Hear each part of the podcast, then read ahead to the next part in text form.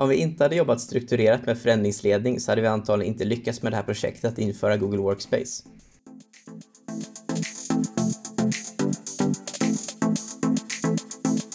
Välkommen till Linköpings digitala elefant. Podden om digitalisering på en konkret nivå. Vi som gör podden heter Felicia och Tess och det här är avsnittet för dig som jobbar med eller är nyfiken på förändringsledning. Den här gången fokuserar vi på ett stort projekt som vi har genomfört i Linköpings kommun där vi har jobbat aktivt med förändringsledning redan från början. Så med oss idag så har vi Katrin och David. Och ni har ju varit djupt involverade i det här projektet. Hej på er! Hej hej! Hej på er! Så vilka är ni och hur har ni varit involverade i det här projektet? Om vi börjar med David. Ja, nej men till vardags så jobbar jag som eh, kommunikationsstrateg på Linköpings kommuns kommunikationsstab så jag jobbar mycket med övergripande frågor som rör just kommunikation. Och jag blev involverad i det här projektet ganska tidigt och var då kommunikatör i själva projektet. Men sen ju längre projektet gick, gick så blev jag mer och mer involverad och eh, till slut så blev jag delprojektledare för det delprojektet som kallades just för förändringsledning. Så det var alltså en projektledare och en förändringsledare i projektet kan man säga? Ja men precis, själva projektet var strukturerat så att vi hade ett huvudprojekt med en huvudprojektledare och sen hade vi flera olika typer av delprojekt där då ett av delprojekten var just förändringsledning. Mm. Och du då Katrin? Ja, nej men till vardags så jobbar jag som verksamhetsutvecklare eh, på en förvaltning som heter Verksamhetsstöd och service. Eh, och jag brukar jobba med lite olika projekt och uppdrag. Eh, och ett av de projekt som jag jobbat i har just då varit införandet av Google Workspace. Eh, jag kom in lite senare i projektet eh, och överlappade David och tog över hans roll som eh, delprojektledare för förändringsledningsbiten. Så jag har varit med i projektet i lite mer än ett år. Okej. Okay. Om vi går tillbaka till det som David sa där. Ehm, just när vi pratar om projektledning jämfört med förändringsledning. Kan du inte utveckla det lite David?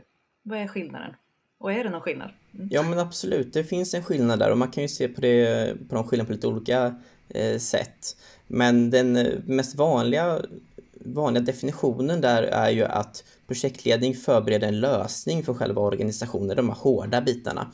Medan förändringsledning förbereder organisationen för lösningen. Så förändringsledning är mer fokuserat på den mänskliga biten, det som handlar om förändrade beteenden och människorna. Medan projektledningen fokuserar mer på den fyrkantiga och i det här fallet då den tekniska lösningen. Så, så skulle jag nog beskriva relationen mellan just projektledning och förändringsledning. Ja, men det var väl hyfsat glasklart kan jag tycka. Det är jättespännande. Det är, eh, vissa projekt har inte med förändringsledning i aspekten utan då är det projektledare och så tänker man bara på den här som du säger fyrkantiga biten. Eller så ska projektledaren också hantera förändringsledningen. Vad, vad tänker ni om den aspekten? Här har ni ju valt att ha två olika personer. Ja men precis, alltså de flesta projekten, utifrån min erfarenhet, är ju att man har liksom ett projekt som tar slut när, när systemet är på plats. Då är projektet avslutat. Men i det här fallet så pågår ju det här projektet eller var liksom planerat att pågå även en väldigt lång period efter själva IT-komponenten var införd. Just för att man visste att det var en så stor del av projektmålen som hängde på de här förändrande eh, beteendemönstren hos Eh, Eh, hos användarna. Så då såg man det ganska nödvändigt att just ha en väldigt stor förändringsledningskomponent här.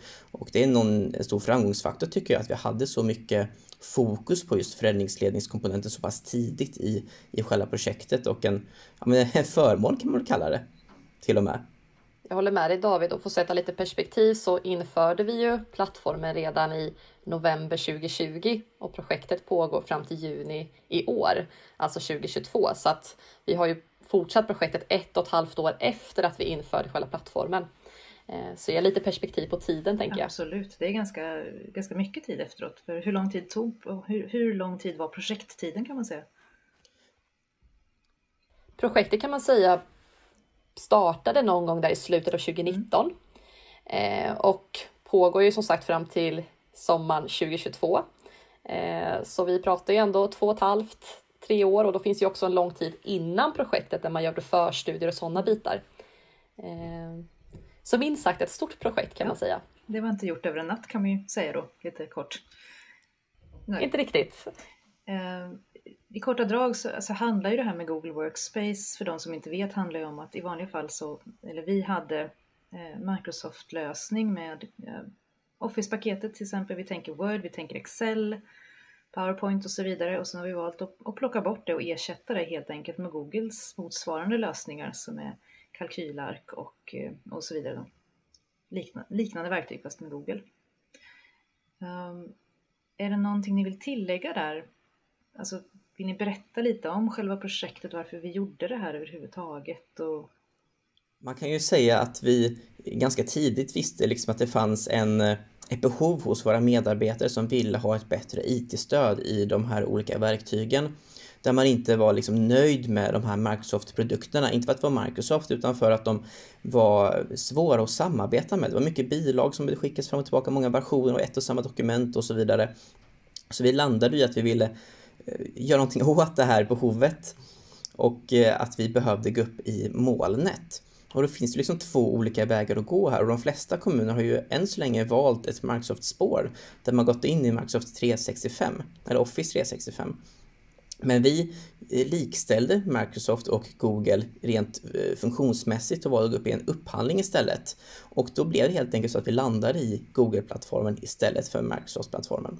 Så det är någonting som liksom särskiljer oss lite från andra kommuner och som också då resulterade i att vi landade i Google istället för, för Microsoft. Så det var inget liksom aktivt val att vi ska ha Google eller vi ska ha Microsoft, utan vi sa att de här verktygen är möter båda, de här båda verktygen möter våra behov och vi vill göra en upphandling om det. Katrin, något att tillägga? Nej, men det är precis som David säger där. Eh, och det var också en viktig del att jobba just med förändringsledning och förändrade arbetssätt. Eh, för det fanns ju kanske en farhåga att man skulle ligga kvar i de gamla arbetssätten och faktiskt inte göra den här liksom förflyttningen från liksom nuläget vi har då till det här önskade läget. Ehm, så jag skulle nog också säga att det är lite unikt att vi jobbar så strukturerat med förändringsledning som vi har gjort i just det här projektet. Ja, för det, ni pratar ju om att, att hämta hem effekter och så vidare och det är egentligen det som jag tänker förändringsledning är, är till för. Om vi bara hade slängt ut en teknisk lösning som sagt så, så hade ju verksamheterna själva fått kämpa med det här med ja, men hur i hela friden ska vi använda det här då? Irritationen blir högre och högre. Ehm, så jag tänker bara i praktiken, hur jobbade ni med förändringsledning? Vi har pratat om det på en liten skrapa på ytan nivå hittills. Men i praktiken, hur gjorde ni för att, att hjälpa användare, hämta hem effekter och så vidare? Mm. Eh, ja, men förändringsledning ser jag själv som ett liksom ganska brett område eh, och det finns också väldigt mycket modeller inom området som man kan utgå ifrån. Eh, och i det här fallet så valde vi att jobba utifrån en modell som kallas ADKAR Eh, Eh, för er som inte känner till den så står det för Awareness, Desire, Knowledge, Ability och Reinforcement. Och den här modellen beskriver egentligen olika delar i en förändring eh, som man tar sig igenom. Och den här har vi egentligen haft lite som en ledstång i, i liksom hela arbetet vi har gjort. Eh, så för att vara lite kanske mer konkret av vad vi faktiskt har gjort så, eh, så har vi bland annat då jobbat en hel del med det vi kallar för sponsorer och sponsorer skulle man kunna beskriva som personer som har ett högt inflytande och förtroende i organisationen och som blir bärare liksom av själva förändringen. Eh, och det här kan exempelvis vara då högre chefer eller nyckelpersoner. Så de här har vi använt oss av för att liksom trycka budskapet med förändringen och få hjälp att liksom förmedla syftet med förändringen och liksom, ja, vad det kommer innebära för positivt för organisationen helt enkelt. Eh, vi har också jobbat jättemycket med ambassadörer Eh, det har alltså varit personer ute i verksamheterna som har varit ett nära stöd till både kollegor och chef. Eh, och totalt har vi haft ungefär 250 ambassadörer, vilket är ganska många. David, vill du fylla på lite där? Vad, vad tänker du på? Ja, men eh, jag tänker precis som du sa, sponsorer, ambassadörer har liksom varit en väldigt viktig del i det här, men också kommunikationen. Alltså kommunikation är en väldigt stor del av förändringsledning och vi har jobbat med kommunikationen väldigt strukturerat och vi har utgått från just den här adekar-modellen som du Katrin var inne på. Eh, och att vi inte liksom gjorde allting samtidigt utan att vi delade upp kommunikationsarbetet. Att I början så handlade det mycket om att bara liksom skapa kännedom och vad är det för plattform och så jobbar vi med det ett halvår. Och sen efter det så jobbar vi ett halvår med att berätta varför det här är en bra plattform. Och sen pratar vi liksom om utbildningar och sådär. Så väldigt mycket kommunikation och väldigt eh, strukturerat. Det är liksom ett nyckelord i det här. Att det, att det finns, finns liksom en tanke bakom det. Sen har vi jobbat mycket med att liksom förstärka förändringen just nu. Där vi jobbar mycket med liksom olika typer av tricks, eller tips och tricks och vi lyfter upp goda exempel och så vidare. Så eh, kommunikation är utan tvekan liksom en viktig del i, när man pratar just förändringsledning i praktiken. Och också kopplat till sponsorerna som du Katrin var inne på, att vi liksom har stöttat de här eh, sponsorerna med olika typer av material, budskap och så vidare. För det är inte tanken att projektet ska stå för all kommunikation utan sponsorerna har en jätte, jätte, jätteviktig roll när det gäller att kommunicera till sina målgrupper varför det här sker, varför det är en bra grej och vad de behöver göra utifrån det här. Jag håller verkligen med dig där David och jag kan också bara tillägga att just det här med utbildningar har ju varit en jättestor del såklart. Alltså både i att förstå varför gör vi den här förflyttningen men också att lära sig de nya verktygen för att förstå okej, okay, hur kommer jag kunna använda det här i min vardag och liksom hur är det här anpassat efter mina behov? Ehm, så det vill jag bara slänga in som en viktig, eller inte så liten grej, men en viktig del att komma ihåg. Absolut, det låter som att det är mycket fokus på kommunikation, men just som ni säger, det är inte den här Eh, det är väl envägskommunikation kan man säga i, i någon mån, men det är ju inte bara att oh, nu lägger vi ut information på internet och sen är det klart. Utan ni har jobbat med kanalerna och liksom transportvägarna för kommunikationerna om jag tolkar det rätt, stämmer det? Jo men absolut, du tolkar det helt rätt. Och ytterligare en dimension av det, det är ju chefens roll i det här. Alltså cheferna har ju en jätte, jätteviktig roll när det gäller att kommunicera mot sina medarbetare som del i sitt ledarskap. Och just att chefen då kan få stöd från ambassadören i de här insatserna mot medarbetarna har gjort väldigt, väldigt mycket. Att eh, liksom chefen ska informera medarbetarna och leda den förändringen på arbetsplatsen men då kunna få det här kompetensstödet från ambassadörerna när det gäller liksom vad verktygen kan och inte kan och sådär. Så utan tvekan, vi har jobbat väldigt, väldigt brett när det gäller kommunikationen. Sen är det också svårt, alltså, som, som vi var inne på, kommunen är en väldigt stor arbetsgivare, många yrken, alla sitter inte vid en dator hela dagarna. Så liksom, vi har till och med jobbat liksom med fysiska, fysiska affischer, bordsryttare, den typen av informationsmaterial och det hör inte till vanligheterna i vår organisation. Så vi har verkligen behövt tänka till lite, okej okay, men hur kan vi nå de där medarbetarna som är längst ut i kärnverksamheten som inte sitter framför en dator hela dagarna som kanske jag och Katrin gör. För det är ju sällan användarna och de som är inte bundna vid skrivbord, eller hur man ska uttrycka det, som är, kan vara svåra att nå just med, med den här kommunikationen. Men de måste ju ändå använda verktygen som finns. Så det är ja, intressant som du säger just med det fysiska materialet också. Vi lever i en digital värld och det är en digital förändring men det fysiska är ju, är ju viktigt också för de grupperna. Verkligen. Absolut. Och och om jag bara får till, tillägga någonting där. Vi har jobbat eh, och anpassat materialet också när det gäller utbildningarna. Det finns vissa verksamheter där man inte kan sitta och göra de här digitala utbildningarna eh, som vi tog fram, utan där behöver man ha fysiska utbildningar. Så då inom vissa delar av verksamheten så tog vi fram liksom eh, egentligen presentationer eller utskrifter som visade liksom så här funkar verktygen och sådär. Så vi har verkligen behövt målgruppsanpassa för att säkerställa att vi når så många som möjligt, både med kommunikationen men också med utbildningsmaterialet. Det är lite spännande kan jag tycka, för jag tänker att ni har lärt er väldigt, väldigt mycket på vägen och vi som organisation har ju lärt oss en hel del om hur vi kommunicerar, hur vi genomför en förändring, hur det mottas ute i verksamheterna. Eh, tycker ni att ni har lyckats i det här projektet? Alltså hur har det gått kan man ju ställa frågan. Men eh, vi pratar om effekter jo, och så vidare. Alltså har ni hämtat hem effekten eller hur, hur ser det ut?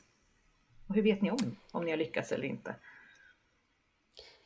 Jo, men eh, jag får väl ändå lite självsäkert säga att jag tycker att vi ändå har lyckats. Klappa sig själv på axeln, eh, Precis, man ska vara stolt över det man gör. Nej, men Eh, projektet är som sagt inte klart än, eh, men vi har löpande gjort så kallade användarundersökningar för att fråga användarna hur nöjda man är med vår nya, vår nya samarbetsplattform, men också vad man ser för utmaningar. Och där har vi kunnat se att generellt så har vi en ganska hög användarnöjdhet eh, kring plattformen, vilket vi tycker är jätteroligt. Eh, Ehm, men självklart så finns det fortfarande också utmaningar som vi behöver jobba vidare med vissa delar som vi har kvar att göra här innan projektet avslutas, men också saker som behöver hanteras eh, utanför projektets ramar.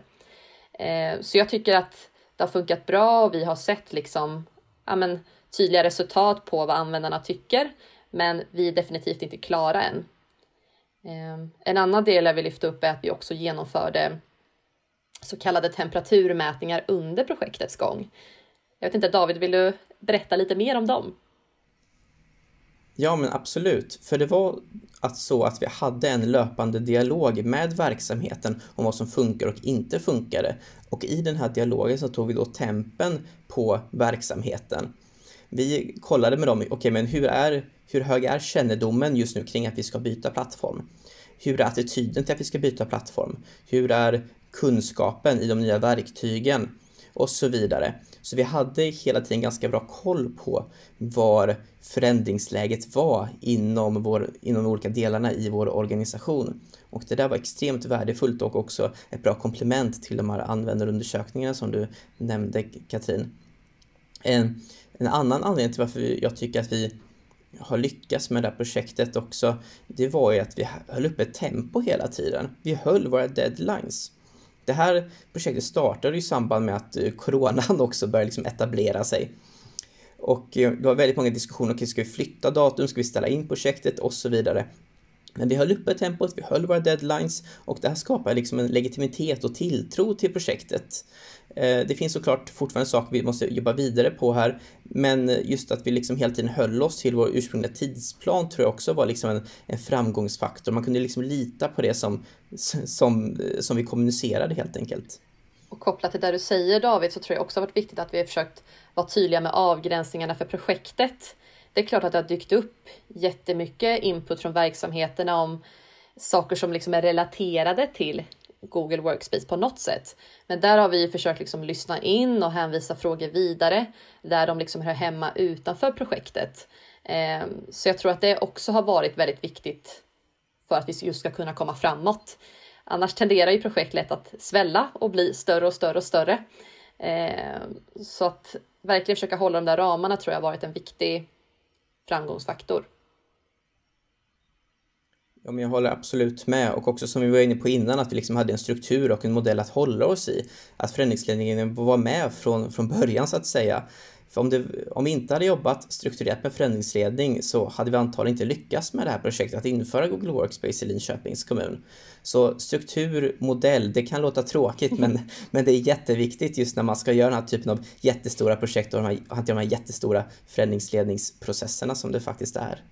Så man kan säga att ni, alltså några framgångsfaktorer bara om man ska sammanfatta så eh, ja, men dels att ni hade förändringsledning med er från början egentligen i, i tankesättet och dessutom bemannad. Eh, att, att det fick utrymme dessutom. Eh, att ni hade en tydlig avgränsning som du sa så det inte svällde upp och blev som en så, så kallad digital elefant till slut.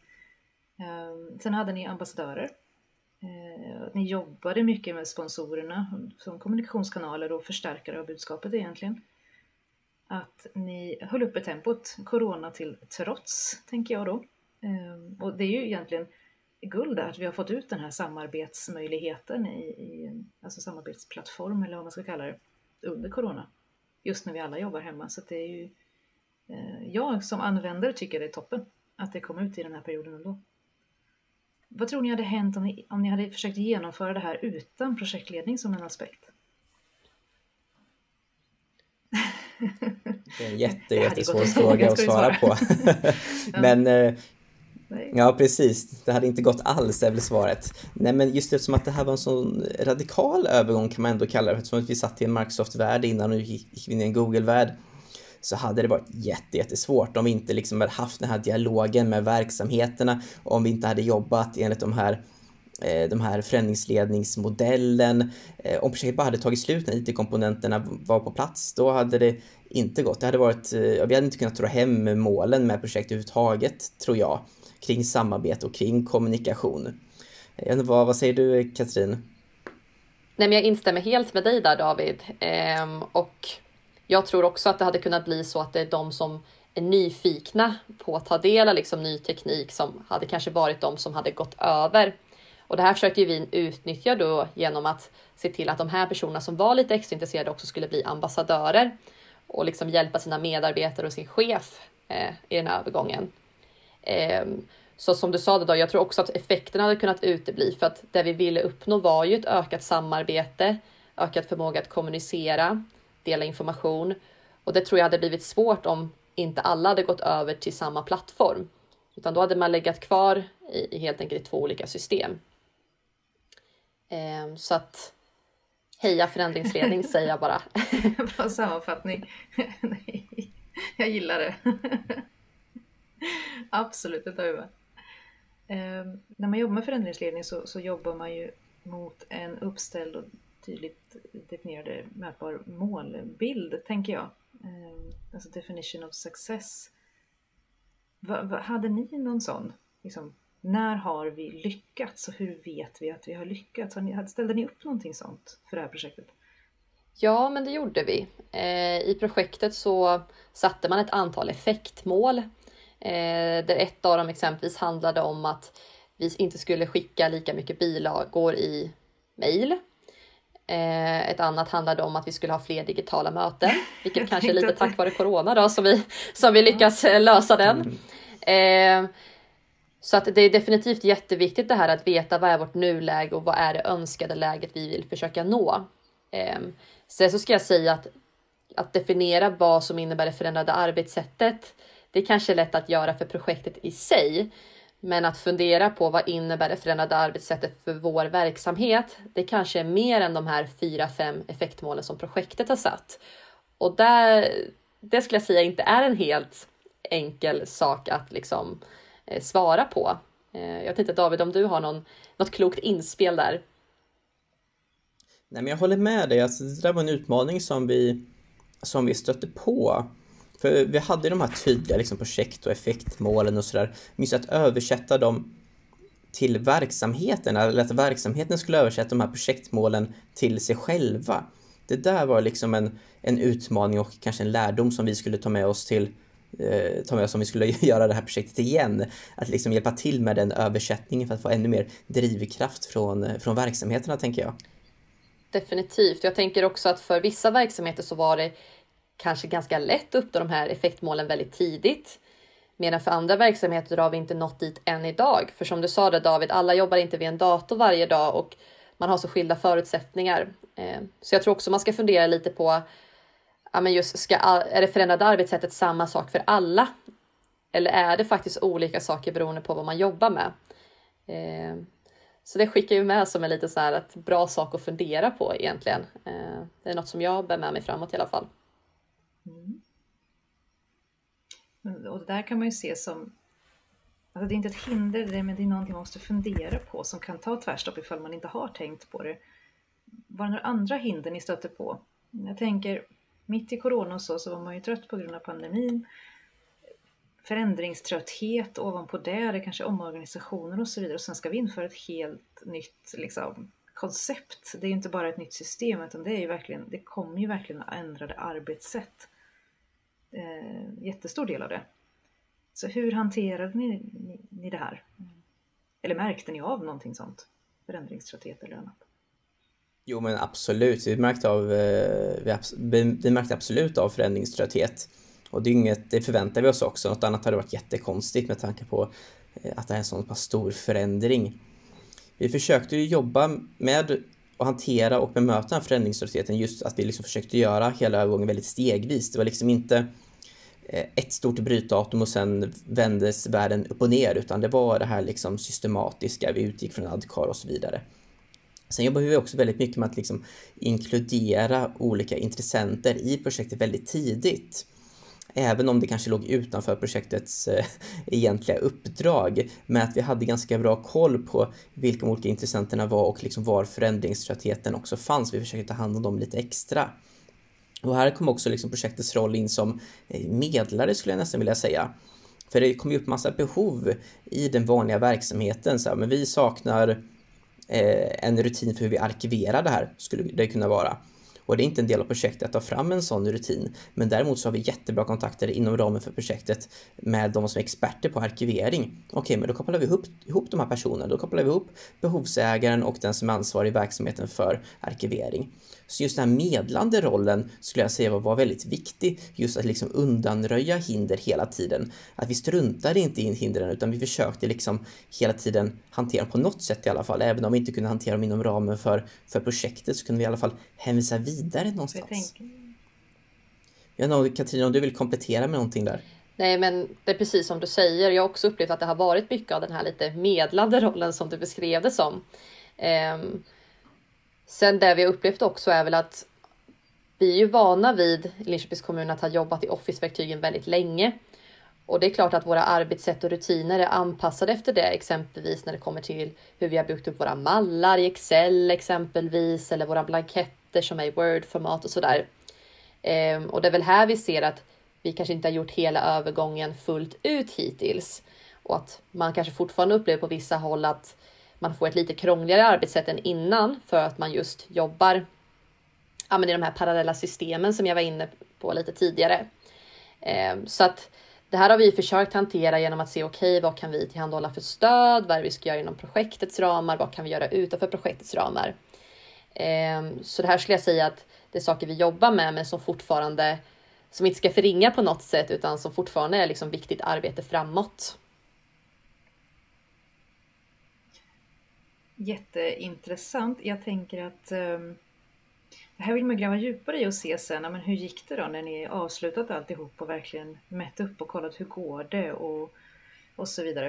Uh, men lite kort så här på slutet, vad skulle ni vilja skicka, väg, eller skicka med till andra organisationer som vill genomgå någon liknande förändring eller står mitt i smeten just nu och känner gisses Amalia, hur ska vi klara av det här? Um, eller en annan större förändring. Vad har ni för tips och tankar och medskick till dem? Oj, ja det, man kan nog eh, göra en lång lista här. Men, eh, nej men eh, ta kontakt med oss så kan vi berätta mer. Vi löser det. Precis, nej men jag tänker just det här som vi var inne på i början, att ha förändringsledning redan från, från i, i planen när man sätter upp själva projektet, att man utgår från ett förändringsledningsperspektiv då. Det tror jag är jätteviktigt. Sen också att man har sponsorer för förändring, att man liksom gör en kartläggning, vilka finns inom organisationen som skulle kunna agera sponsorer. Det här med ambassadörer har varit jätteviktigt för oss, att man har ambassadörer nära verksamheten som kan stötta chefen och eh, sina kollegor. Eh, sen också det här kopplat till avgränsningar. Att förändringsledning är inte allt, man behöver fortfarande eh, ha med liksom de här typiska projektledningskomponenterna. I det här fallet mycket fokus på det tekniska. Eh, så de där grejerna är mina främsta medskick i alla fall. Vad är dina medskick Katrin? Nej, men jag håller ju såklart med dig David och jag lägger extra plus på det här med sponsorer och ambassadörer framför allt. Ehm, det jag kan tillägga är väl just det här också med att tydligt definierade, definierade önskade läget. Alltså när har vi uppnått ett förändrat arbetssätt i och med att det kan vara då så olika saker. Men också att man har perspektivet att när man inför en, en IT-plattform som vi gjorde i det här fallet då, så kan det ju lätt bli fokus på själva tekniken i sig och liksom verktygen. Men att man försöker ändå skifta fokus och ha fokus på just arbetssätt och liksom behoven i verksamheten och se plattformen då som ett stöd i det arbete man gör så att man skiftar fokus från att ha tekniken i framkanten till att faktiskt ha verksamhetens behov och arbetssätt i fokus. Ja, och mitt sista medskick där skulle väl egentligen vara att inte låta kulturen äta strategin till frukost. Eh, så jag säger bara heja förändringsledning. Eh, glöm inte bort det, det är jätteviktigt. Ja men jättebra. Jag tänker att vi har mycket mer att prata om. Det här eh, avsnittet eh, har ju handlat jättemycket om förändringsledning. Eh, vi har fått jättekonkreta exempel, mycket tips och tricks ifrån er så det tackar vi jättemycket för. Ehm, ni som har lyssnat på det här avsnittet och har frågor så kan absolut kontakta David och Katrin. Ehm, vi kommer lägga ut lite information om hur man kan nå dem eh, i beskrivningen till poddavsnittet. Vi kommer också lägga upp några länkar som David och Katrin tipsar oss om, så ni kan läsa mer i beskrivningen där. Annars så säger vi tack så jättemycket till David och Katrin för att ni var med oss idag. Ser fram emot att höra mer ifrån er när allt det här är avslutat och vi ser, nådde ni eh, målet och eh, nådde success för alltihop. Tack så jättemycket! Tack för att vi fick Tack. vara med. Vi kommer väl gärna tillbaks David, tack. eller vad säger du? Ja men jättegärna. Ni är varmt välkomna Räkna tillbaka. Med oss. tack.